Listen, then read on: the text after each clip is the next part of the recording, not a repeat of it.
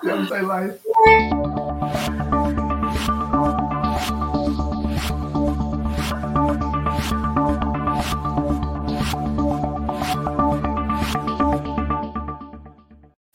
Ja, goedemorgen. Vandaag hebben we echt een hele speciale gast. En die heb ik uitgenodigd. Ook al omdat ze zei van... Hey Hugo, we zouden toch samen een keertje live gaan. Dus iemand die echt heel erg... Ja, ik noem het missie gedreven is. Ze heeft een prachtige missie. En wat, wat, precies voor missie is, horen we straks wel. Maar het heeft haar ook echt veel gebracht. Bovendien, ja, ze vertelde net al... Al de mooiste gesprekken gebeuren meestal voor aanvang. Uh, ik hoop dat we dat nog een beetje terug kunnen halen. Uh, ze vertelde over haar tijd in Amerika. Ze is ook het mooiste meisje van de klas geweest. Kortom, het is een hele bijzondere gast die ik uh, vandaag heb. Um, maar wacht nog heel eventjes. We gaan zo starten hoor.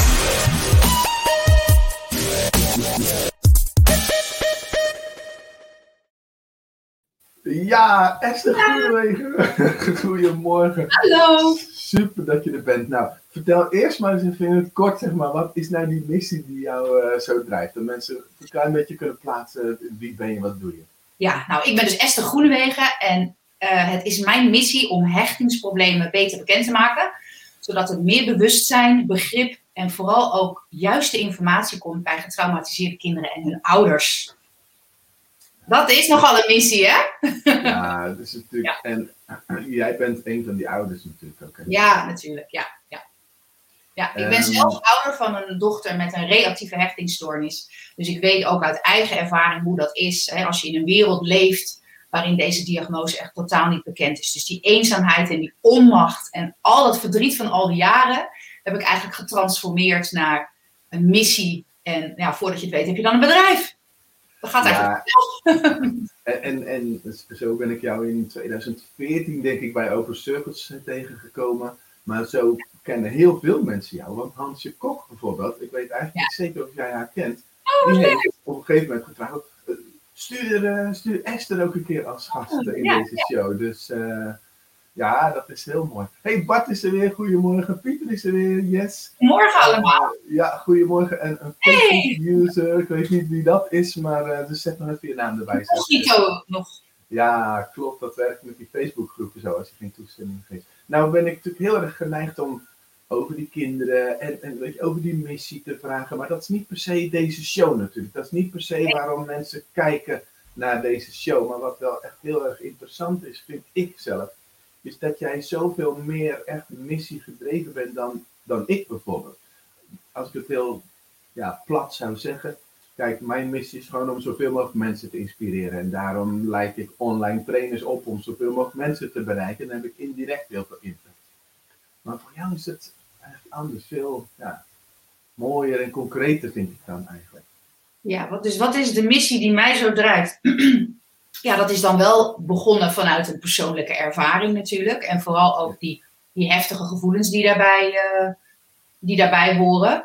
Maar ook op een gegeven moment had ik zoveel kennis vergaard en zoveel successen in mijn eigen leven ervaren. Dat ik dacht, ja, dit mag ik haast niet voor mezelf houden. Dit moet ik dus met anderen delen die dat nog niet hebben gevonden. Dus dat, dat, dat maakte wel in het begin dat ik dacht, ik moet mijn uh, ja, mijn kennis gaan delen en ook mijn persoonlijke verhalen gaan, uh, gaan delen. Ook om die taboe over die diagnose um, uh, nou ja, op te lossen is een heel groot woord, maar in ieder geval om daar iets mee te doen. Ja, dat is gaaf. Dus dat je eigenlijk het gevoel hebt van ja, ik heb nu iets ontdekt en dit, dit, ik ben gewoon verplicht om dit door te ja. geven. Dat gevoel. Ja. En, en, en, en, hoe ben je toen begonnen? Ik bedoel, waar begin je dan als je dat gevoel hebt? Nou, vooral met heel veel hulp en steun van, uh, van ja, vriendinnen. En het is heel klein begonnen. Dus waar ik nu sta, had ik nooit gedacht een aantal jaren geleden. Ik ben dus een aantal jaren geleden begonnen met bloggen. Dus gewoon heel simpelweg, nog niet eens op WordPress, maar op Thumball of zoiets. Verhalen vertellen die in mijn leven gebeuren.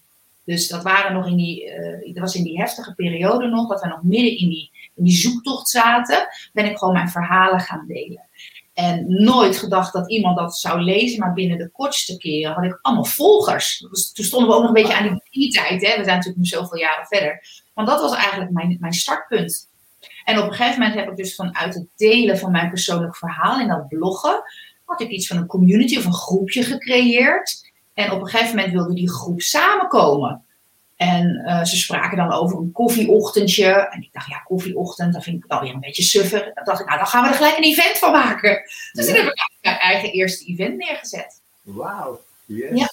Oh, wat gaaf. Dus mensen, als je luistert, weet je, zo simpel kan het dus zijn om vanuit je eigen ervaringen gewoon die verhalen te gaan delen. Het klinkt eigenlijk een beetje ook als 101 werkvormen, zo van, uh, ja, uh, gewoon maar je kennis delen. En, en bij jou was het natuurlijk veel meer dat het echt raakte, denk ik. Hè? Omdat je als lezer die herkenning van je eigen kind dan hebt. Ja, ja. Ja, en ook omdat het een diagnose is waar, hè, wat ik al zei, waar, daar, daar, ligt een taboe op. Dus de meeste ouders durven het nog niet te delen, kunnen het nog niet delen of mogen het niet delen. Hè, als je natuurlijk in de pleeghoek uh, zit. En um, ik, ik, raak even afgeleid door de vraag die voorbij komt. Uh, van... Ja, wat een inhoudelijke vraag is. Maar ik dacht, uh, dan helpen we Katelijne nog even erbij bij het verhaal. Oké, okay, nou, ik zal, ik zal nog eventjes de diagnose noemen. Het is dus onveilige gehechtheid, reactieve hechtingsstoornis. He, dus die in, in die hoek, als kinderen onveilig zijn gehecht, daar gaat het dus uh, over. En dan is het echt iets wat raakt, omdat het je eigen kind is. En als je dan jouw verhaal leest en die herkenning voelt, ah, ja, dat ga ik volgen. Ja. En, ja. en dat is dus de les die mensen, als je nu luistert, eruit mee kan nemen. Dus die, dat, dat, dat stuk emotie wat je dan erin uh, legt. Kun je dat ook creëren voor jouw volgers, mensen? Dus dat ding wat jij aan het delen bent. Ja, ik, ik kon dat ook vertalen naar, uh, naar een blog. Hè. Dat is ook een skill die je natuurlijk moet aanleren. En dat vond ik al wel heel lastig, want ik heb echt enorme dyslexie. Maar ik, mijn, mijn missiegevoel en mijn drive werd op een gegeven moment zo sterk.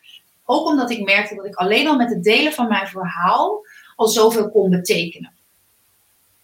Maar ik had wel op een gegeven moment, met, toen ik dat eerste event ging uh, neerzetten, ik dacht, ja, dan moet ik ook wel alles aan kennis erbij halen. Dus toen werd het eigenlijk een combi van mijn persoonlijk verhaal, maar ook wel echt expertise, dat je er ook iets aan hebt. Anders wordt het alleen maar verhalen aan elkaar vertellen. En ik wilde ook echt iets meegeven.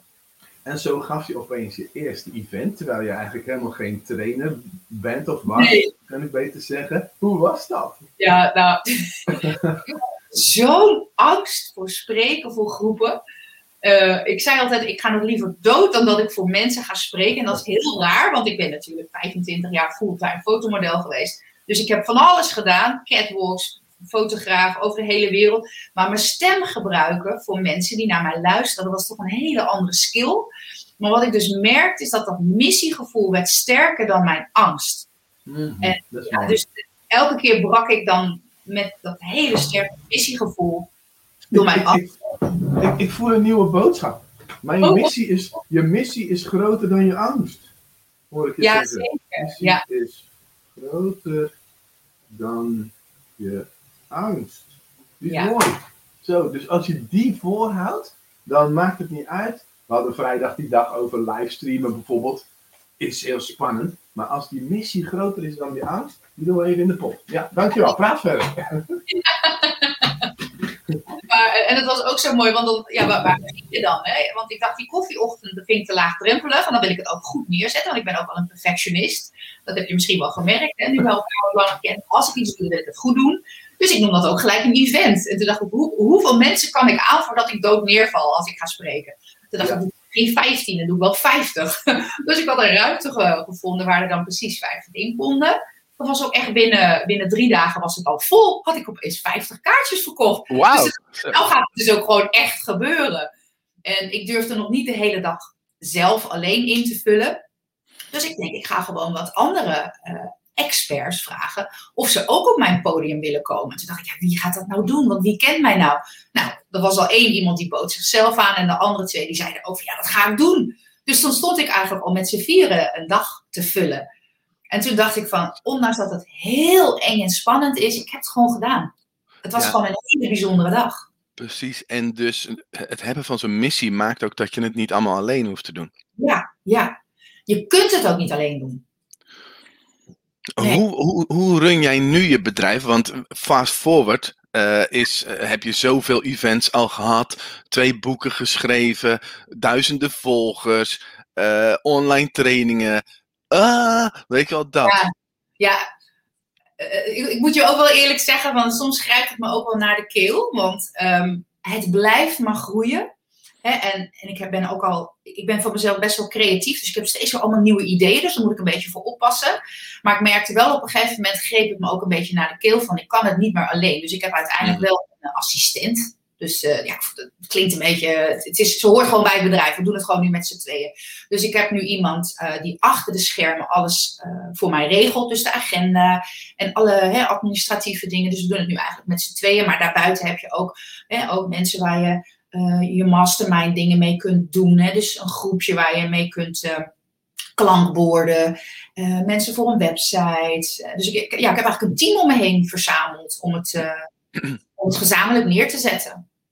En dus, ja, je doet het niet meer alleen, eh, maar je bent ook stap voor stap gaan groeien, waardoor je ook mensen kan gaan inhuren.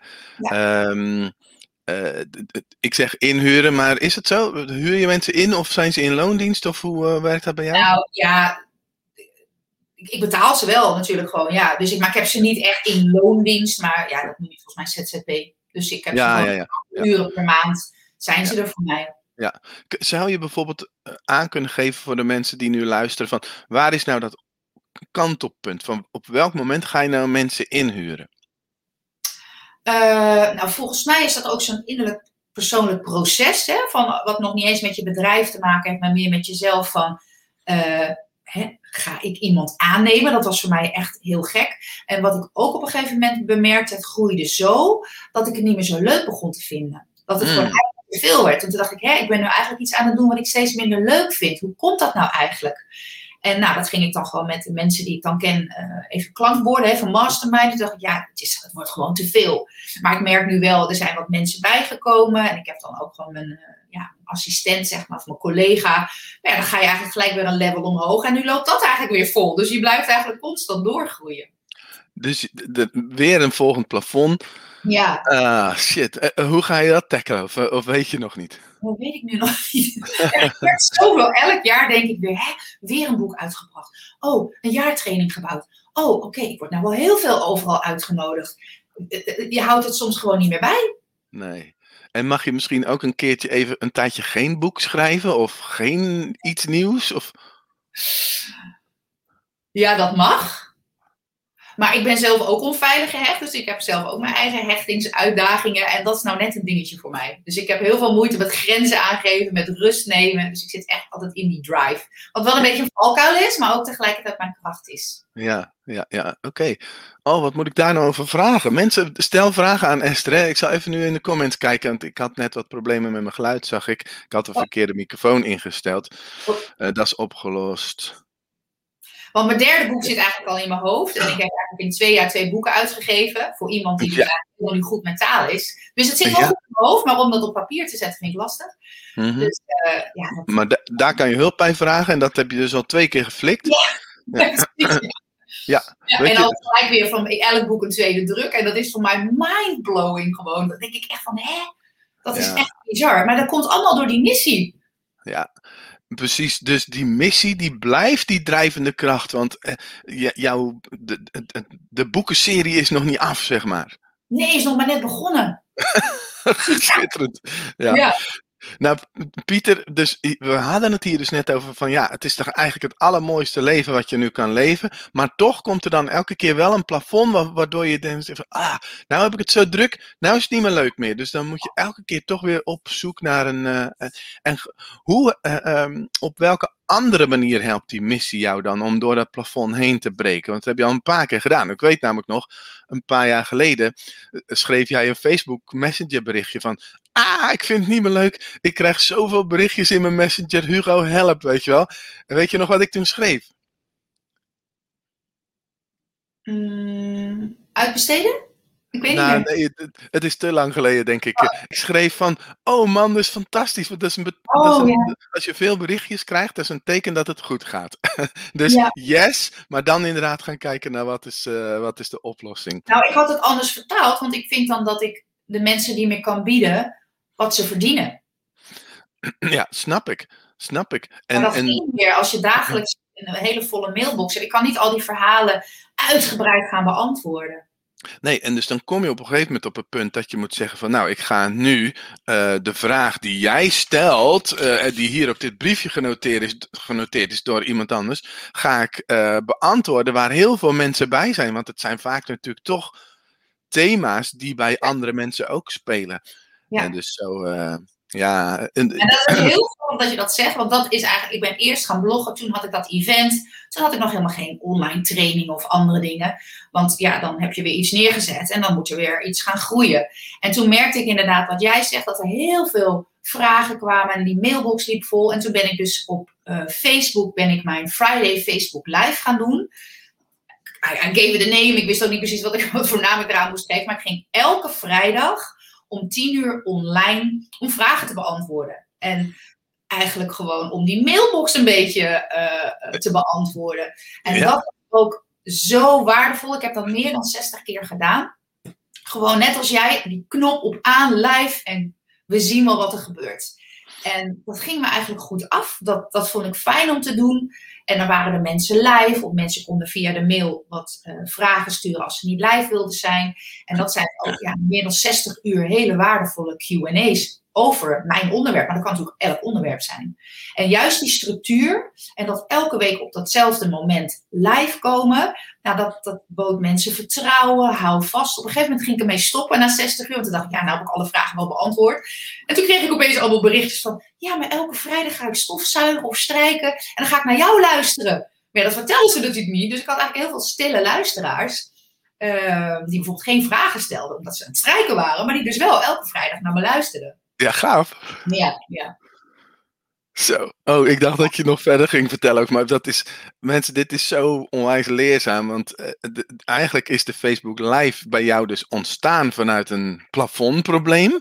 Ja. En mensen die gingen zich daaraan vasthouden van, oh wauw, dus dit is gaaf, dit helpt me, dit doe ik zelfs tijdens het strijken. En ja. dan hoor ik je ook zeggen, ja, na 60 keer dacht ik van, nou, nu hebben we alle vragen wel beantwoord. Uh, ja, ben je toen anders gaan doen? Um, nou, ik kreeg het eigenlijk ook steeds drukker door allerlei uh, professionals die mij wisten te vinden. Dus uh, uh, toen konden we overal nog live naartoe natuurlijk. Hè? Dus dan had ik ook gewoon allerlei avonden, thema-avonden voor professionals of, of, dagdelen waar ik trainingen kwam geven.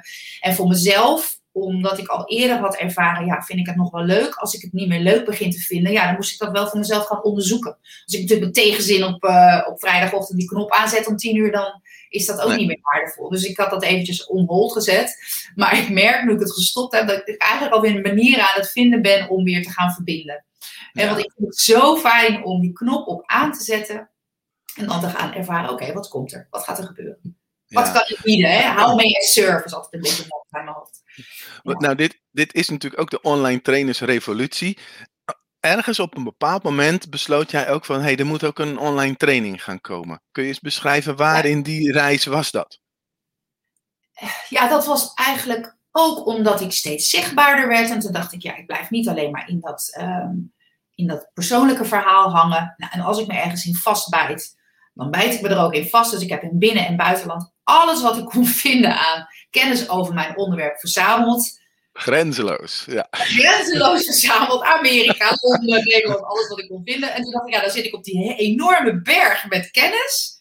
Hoe ga ik dat nou vertalen? Hoe ga ik dat nou overbrengen op die mensen hè, waar ik dat eigenlijk voor heb verzameld? Voor mezelf natuurlijk als eerste, hè, om mijn dochter te helpen, mijn gezin te helpen. Maar vervolgens wilde ik natuurlijk anderen daarmee helpen. Ja, dat was best een uitdaging. Ik dacht, ja, hoe ga ik dat nou eigenlijk doen? Dus dan had ik eerst een zesweekse training gebouwd. Volgens mij was dat bij jou ook weer heel spannend, hè? want dan ga je echt een beetje jouw kennis vertalen met jouw sausje eroverheen. In waren volgens mij zes modules. En ik denk, ja, wie gaat dat nou kopen en wat, wat moet ik daar dan voor vragen? Wat is dat nou eigenlijk waard, mijn kennis? He, terwijl ik zelf wel voor heel veel investeringen overal naartoe ben gevlogen natuurlijk. En dat, dat was ook wel weer een stukje persoonlijke groei en een, een stukje ontwikkeling van wat heb ik nou verzameld, wat is het waard en hoe kan ik dat vertalen naar, naar de mensen die daarna op zoek zijn. Allemaal heel erg persoonlijke groei volgens mij. En uh, nou, toen heb ik natuurlijk bij jou die uh, pilot gedaan. Ja. Ja, was... dat was 2017 of 18 of zo. Uh, dat we in de zaal je pilot ja. lanceerden. Er Ja, ik zal het nooit vergeten. Ja, ik, ik neem aan jij ook niet, maar ja, dat is maar een aanname. Maar weet je nog hoe je dat gedaan hebt? Eh, Hoe je Ja, die groep gevuld hebt?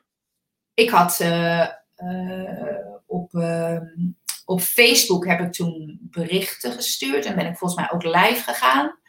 En ik had toen ook al een mailinglijst, hè, dus met Ja, het bloggen had ik natuurlijk eerst via Mailchimp en nu zit ik dan bij Active Campaign, was ik mijn lijst aan het bouwen. En ik snapte ook wel goed van die lijst, die is natuurlijk wel van belang, die is waardevol. Om, eh, van beide kanten, ik voor hen en zij voor mij. Dus toen ben ik die lijst eh, gaan aanschrijven. En ook op Facebook heb ik dingen gedeeld. Denk ik. Maar misschien heb jij nog aanvulling. Ja, nou, pre- precies. Jij had eigenlijk al je kanalen aangesproken. En omdat we in een zaal zaten, kwam je naar me toe. Iemand schrijft trouwens, is 2017. Ik weet niet wie dat eh, is. Maar, Oh En omdat we in de zaal zaten, kwam je naar me toe en zei: Hugo, wat nu? Ik zeg: Hoezo, wat nu? Ik zeg: Wat is er aan de hand? Ze zegt: Ja, mijn groep is al vol. dat was binnen 10 minuten of zo nadat jij het bekend had gemaakt. Ja, ja. Dat was echt eh, fantastisch. En dat is elke keer zo. Want ik, ik, ik, ik, ik lijk misschien heel sterk eh, eh, en stabiel aan de buitenkant. Maar van binnen ben ik ook dat beschadigde kleine meisje. Wat heel veel mee heeft gemaakt. En wat ondanks alles eh, zichzelf goed weet neer te zetten. Maar dat betekent niet dat ik me van binnen ook zo voel. Hè? Dus of ik nou mijn eerste boek schrijf of mijn eerste training met de wereld deel. Dan denk ik, ja, wie gaat dat nou kopen? Wie gaat daar nou geld voor betalen? Dat is elke keer weer zo'n inner struggle. Ja, ja. Wat denk je wat het antwoord is daar op die vraag? Eh, Want hier worstel je alle kijkers bij wijze van spreken ook mee. Ja, wie wie gaat hier nou geld voor betalen? Een vriend van mij die zegt altijd, ja Hugo Bakker, jij verkoopt gebakken lucht. Ehm, ik ben eigenlijk even de vraag kwijt, sorry. Nou, je stelde jezelf de vraag, ja, wie- gaat hier nou Oh, geld voor betalen? Ja. Eh, Mensen die, ik denk dat, dat, dat wie gaat daar geld voor betalen? Mensen die geraakt zijn door mijn eh, verhaal. Mensen die ook zien, ja, dit is gewoon wel iemand die zich gewoon authentiek neerzet. dus ik zet me niet neer vanuit, dit heb ik geleerd of eh, hè, dit, is mijn, eh, dit zijn mijn opleidingen. Ik heb het allemaal zelf verzameld vanuit mijn eigen nood, vanuit mijn eigen wanhoop en dit heeft mij geholpen. Dus het is heel erg persoonlijk en heel erg authentiek wat ik deel. Maar er zit bij mij altijd een stukje van, ja, is dat wel echt van waarde? Dus, en, en ik weet met mijn hoofd, met mijn, met mijn cortex, met mijn neocortex weet ik wel van, nee, Es, dit is echt waardevol, want je hebt het overal vandaan verzameld. Maar dat, ja, dat getraumatiseerde innerlijke kind, die zegt natuurlijk van, ja, wie denk je wel niet wat je, dat je bent? Weet je, wat, wat ga jij nou eh, de wereld vertellen? ja. En Even kijken of, of je nou met Oprah spreekt of eh, Maya de Angelo, ze hebben dat natuurlijk allemaal op hun niveau. En ik denk dat daarom ook een bedrijf, daar ben ik ook wel achter ko- gekomen, een bedrijf is tegelijkertijd ook je eigen persoonlijke groei. Ik leer zoveel, door eigenlijk gewoon mijn, mijn bedrijf te laten groeien en dingen te bouwen, groei ik zelf ook persoonlijk mee Ja. en heel ik steeds ook. Ik heel mezelf door aan mijn bedrijf te bouwen. Dat is eigenlijk heel mooi om te ervaren. ja, oh dat is mooi. En ik moet erbij niezen zelfs. Oh, Hachi. Oh, hij gaat weg. Hij gaat weer weg. Dus ja, je groeit zelf, maar je heelt zelf. Dat vind ik Ja. echt een mooie aanvulling. En, en zie jij de comments ook, eh, Esther? Sorry. En de, de- achter elkaar zijn de vragen aan jou. Je bent dit natuurlijk een beetje gewend, omdat je vaak iemand Ik vraagt zie van... niet. Oh, wacht, dan moet ik hier. Ja, rechts, eh, bij comments. Ehm, iemand vraagt ook van, eh, wa- was het in een besloten groep of openbaar of zakelijk? Ja, dat was in een besloten groep, toch? Eh, nee, mijn Friday Facebook Live, als ze dat bedoelt. Ik deed gewoon lekker openbaar. Oh, is op je... niet in groep, nee. Oké, oké, dus iedereen die kon het zien. Ja. Ja. Waar haal je energie vandaan, eh, eh, eh, inspiratie vandaan, Esther? Ja, dat is all over the world, toch? Ja, mijn ja, inspiratie of kennis. ik weet niet op wat je dan precies bedoelt, Betty. Maar mijn kennis haal ik echt overal vandaan. Maar ik zeg er ook altijd wel een beetje. ik zeg er altijd bij dat ik ook een beetje een gekkie ben. Want ik ben er alleen maar mee bezig. Bijna als een topsporter. Dus ik zeg ook aan ouders: het opvoeden van kinderen is topsport. Maar mijn bedrijf en mijn missie is ook topsport. Dus als ik ga slapen, luister ik nog eventjes naar eh, trauma-experts. Of motivational speakers. En kan ik daar misschien nog dingen uithalen. En dat doe ik ook als ik ochtends wakker word. Dus, uh, maar dat is ook tegelijkertijd natuurlijk een beetje mijn valkuil. Ja, maar ik hoor dus ook wel dat je gewoon ook echt passie hebt voor, uh, voor dat onderwerp. En dat je daar gewoon heel veel over wil leren. En dat het je maar bezig blijft houden. Het verveelt je niet. Nee, nee. en ik heb nu net met Pasen. Ik had natuurlijk eigenlijk gewoon Pasen moeten vieren. Maar dan heb ik weer drie verdiepingsvideo's opgenomen. En dan ben ik al heel wat jaren met dat onderwerp bezig. En wat ik heb geleerd ook. Als je kennis hebt en je wilt het delen met de ander dan leer je daar zelf ook weer van. Dus nu heb ik weer iets gedeeld met mijn jaartraining deelnemers, heb ik weer video's gemaakt. En dat brengt mij ook weer een laag dieper in mijn nog beter snappen van die kennis. Dus het houdt eigenlijk nooit op.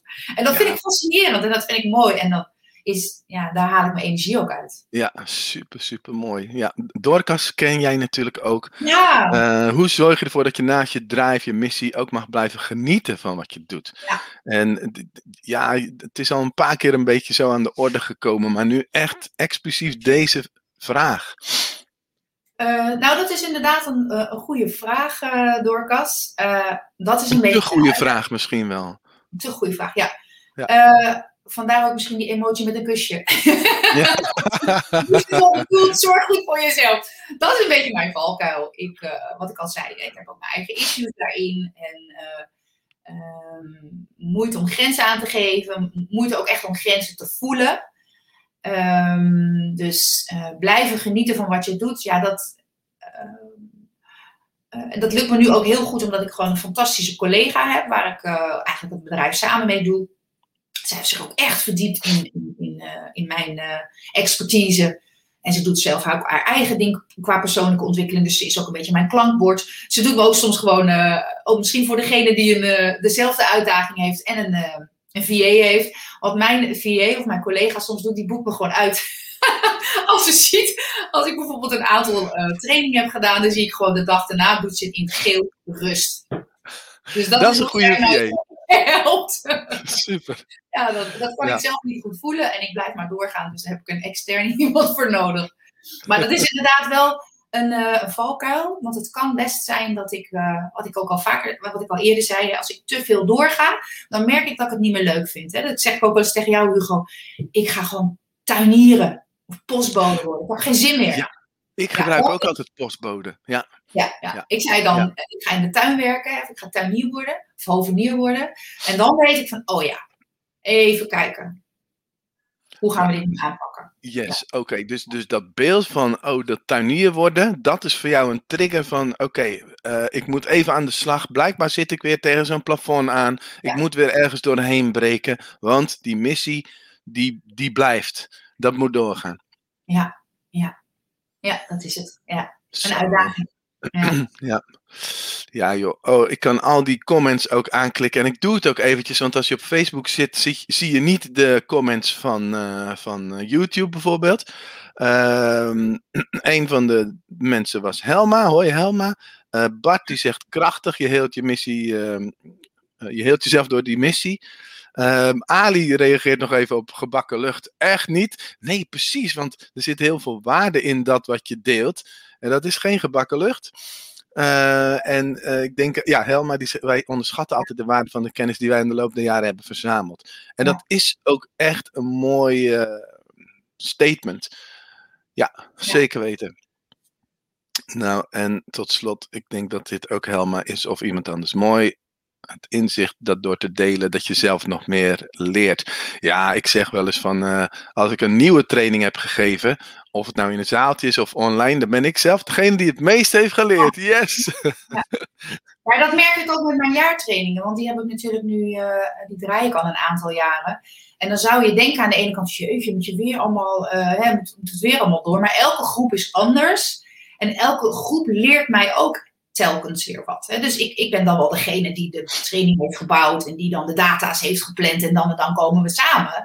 Maar ik ben ook one of them. En zij zijn ook one of me. Hè, dus, en, en ik denk dat ik daarin ook uniek ben. Want er zijn op een gegeven moment meerdere mensen die dingen zijn gaan delen over trauma en hechting. Maar wat denk ik mij uniek maakt, is dat ik uh, ook ouder ben van een kind met hechtingsproblemen en mensen samenbreng. En heel veel uh, psychische zorg en therapie en wat dan ook. Ik noem dat altijd een beetje hokjeshulp. Dus je gaat bij een therapeut of bij een andere hulpverlener zitten in een hokje. Nou, meest onhandige setting om ook maar iets gedaan te krijgen. Maar ik wil juist dat mensen samenkomen. Hè? Dus dat die ouders samenkomen en dat andere doelgroepen samenkomen. Ik heb nu ook leerkrachten die samenkomen. En ik heb dan niet de illusie dat ik meer weet dan hen. Hè? Dus dat ik degene ben met de papiertjes en dat ze naar mij moeten luisteren. Zij hebben net zoveel oplossingen voor elkaar dan wat ik bied. Ik heb natuurlijk iets meer kennis, maar tegelijkertijd probeer ik een community te creëren. En dat vinden mensen altijd heel fijn. En vooral de ouders. Oh, ik ben geen gekkie. Oh, oh, heeft zij het ook? Oh, ze ziet er eigenlijk gewoon normaal uit. Oh, zij is ook een moeder met struggles. Omdat het natuurlijk zo'n taboe is, die uh, diagnose. Ik vind het heel fijn om die mensen samen te brengen. En ondertussen vind ik dat zelf ook natuurlijk heel fijn, omdat ik dan ook ben. En dat was ook hetgeen wat ik het meest heb gemist. Dus in die hele, hele heftige periode, nou, dat gaat ook over allerlei onderwerpen, je voelt je vaak zo alleen met je probleem. Nou, dat nou kan ik me ook voorstellen dat je op een gegeven moment denkt van ja, maar kan of mag ik hier wel geld voor vragen als ik dus die persoon ben die de mensen bij elkaar brengt en dat zo heerlijk vindt en um, mag ik dan ook eh, een tarief vragen voor iets wat ik dan... Heb jij daarmee geworsteld? Enorm en nog steeds, ja. Ja, uh, maar wat ik daar voor oplossing heb, ik probeer altijd iedereen daarin te helpen. En mijn jaartraining, ik ben nu wel zover dat ik daar gewoon een bedrag voor vraag en dat het goed voelt voor mij. Maar dat betekent niet dat de mensen die dat niet kunnen betalen, dat die mij niet krijgen. dus ik heb heel veel dingen gratis. Ik ga bijvoorbeeld uh, aanstaande zaterdag heb ik weer een uh, Wabi Sabi event. Hè, dus dan komen we samen en die is gratis. Wabi Sabi, Wabi Sabi. Wabi -sabi. Ja, dat is een beetje mijn, uh, mijn uh, metafoor. voor dat hele gebeuren met het bedrijf wat ik nu heb opgebouwd, importeerde ik sieraden vanuit Korea en, en Israël. En dat bedrijf wilde ik Wabi Sabi noemen. En Wabi Sabi is een Japanse levenskunst, waarmee je de, kijkt naar het leven dat je, ik zeg wel eens, You love your perfect imperfections. Nou, dat moeten wij dus echt wel doen bij onze kinderen, want onze kinderen zijn niet perfect. Onze kinderen zijn heel lastig.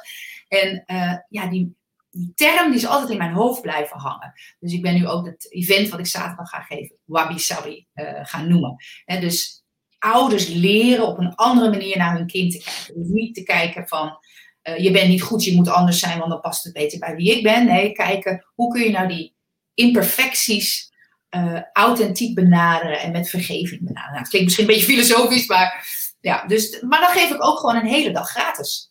En dan kijk ik uit en dan weet ik ook precies wie, weer er, wie er gaan komen, die ik op andere momenten kan helpen. Ja, precies. En dan is het misschien ook een filter dat je over je jaarprogramma mag gaan praten en dat mensen zich daarvoor aan kunnen melden.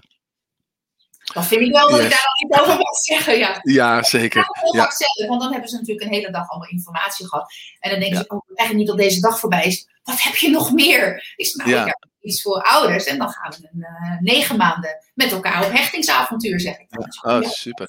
Ja, ja. ja. Um, ik, ik ga twee dingen doen nu wat mij betreft. Mensen, als je kijkt of luistert, wil je eens in de chat delen wat jouw belangrijkste les of inzicht uit dit gesprek met Esther, dus uit wat zij gedeeld heeft, wat jouw belangrijkste inzicht is voor wat jij te doen hebt of wat jij mag uh, toe gaan passen.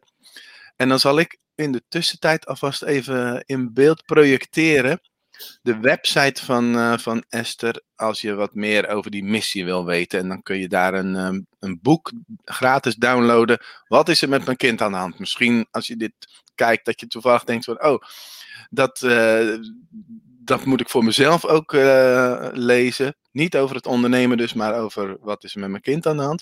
Ik zal ook de website eventjes laten zien, want die ziet er schitterend uit. Oh, dat is het stukje waar dat e-book uh, te vinden is. Ik denk dat het ook best een interessant onderwerp is voor, uh, voor coaches. Het is gelukkig nu steeds meer in, in beeld. Er komt steeds mm -hmm. meer uit. Maar ja. heel veel psychische problemen of uitdagingen in het leven zijn terug te herleiden naar die eerste kindertijd. Ja, precies. Dus als jij toevallig coach bent, je hebt een praktijk en uh, denkt, hé, hey, dat komt wel eens voor, dan is het ook interessant om te downloaden. Ja. Even kijken wat voor inzichten. Dat is leuk om even te, te lezen. Esther, daar komen ze hoor. Um, Iemand schrijft mooi. Te, oh, die, die hadden we al. Pieter zegt: just do it and have fun doing it. En keep on having fun zou ik eraan gaan toe willen voegen. Ik val er net in, zegt Maria. Esther doet het heel Oh. mooi. Ja, zeker weten. Maria. Mijn eigen inzicht dat we onderschatten de waarde van de kennis die we hebben. Ja, zeker. Nog meer inzichten? Mensen delen het en dan gaan we het afronden. Want ehm, ja, het is... Het We moeten aan de slag. Weet je, we moeten als de sodemieter aan de slag, dat is één. En ik denk ook dat we nog wel dagen door kunnen praten, Esther. Dus eh, ik vind het wel leuk om nog eventjes te kijken. Betty schrijft... Haar diepste twijfels heeft durven delen. Dat is mooi. Oh, dankjewel. Ja. Yes. Erik. Ja, je leert zelf het meest. Ja, zeker. Ja, Ja. prachtig inzicht. Mooi. Goed. Ehm, nou, tot slot, lieve mensen, heb ik nog iets eh, voor je. Ja, eh, Ellen kijkt de replay. Helemaal goed. Ik heb nog iets voor jullie. Oeh, mijn muis doet het niet. Oh, Vervelende muis. Inzichten komen meestal later, dat kan. Ja, dat schreef je al eens eerder, eh, Ali, dat weet ik. Maar ik heb nog iets.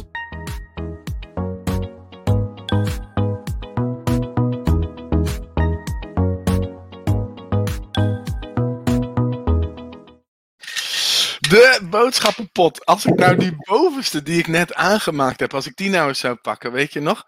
Voor de mensen die later eh, in, in eh, binnenkomen. Deze heeft eh, Esther met ons gedeeld. Je missie is groter dan je angst. Is mooi. Als je zo gedreven kunt ondernemen. Maar dit doen we stiekem gewoon nog eentje. Ja, oké? Eentje die niet rood is dan. Zo, dan hebben we gewoon een bonusboodschap boodschap vandaag. Oh, jij hebt twee boeken geschreven, hè? En mensen kijken daar vaak tegenop. Voor die mensen heb ik deze boodschap. Een boek is gewoon een Word-document.